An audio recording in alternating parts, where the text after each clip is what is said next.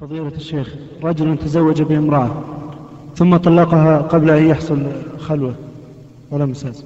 فما الحكم بالنسبة للأولاد؟ أولاد؟ أولاد الرجل. نعم. من امرأة ثانية.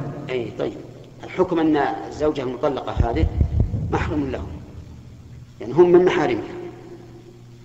بمعنى أنه يجوز لهم السفر بها والخلوة وأن تكشف لهم إلا إذا كان وجد يعني سبب يقتضي المنع.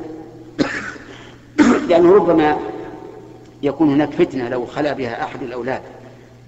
فإنها امرأة أبيهم التي لم يدخل بها لا يكون عندهم من الإحساس والغيرة ما يمنعهم من من مواقعة المحظور وإلا فالأصل أن الرجل إذا عقد على امرأة وطلقها قبل الدخول والم... قبل الخلوة والدخول فإنها تحرم عليه.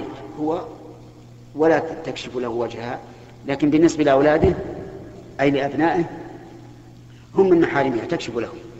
ما لم يخشى الفتنة. نعم.